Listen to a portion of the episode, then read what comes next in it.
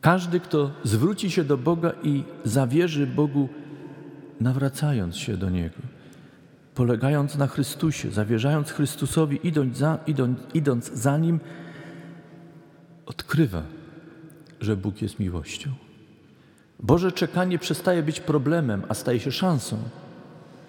To, że Bóg jeszcze nie usuwa grzeszników z tej ziemi, nie wytępia ich, ale daje im szansę na nawrócenie, przestaje być powodem do zarzutów i oskarżeń Boga, ale staje się przyczyną do wielbienia Go i dziękowania Mu.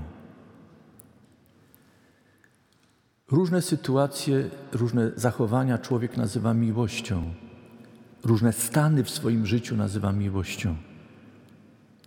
Ale co jest naprawdę miłością, tego uczymy się od Chrystusa. Naprawdę, idąc z Chrystusem i za Chrystusem, możemy uczyć się i odkrywać, co to jest prawdziwa miłość. Nawrócenie i w tym pomaga, że zbliżając się do Boga, doznajemy mocy Jego miłości, Bożej miłości. I doznając jej, otrzymując ją też w darze od Boga, uczymy się kochać, prawdziwie kochać. I ta miłość rozlewa się i przemienia nas. I może także przez nas objąć innych.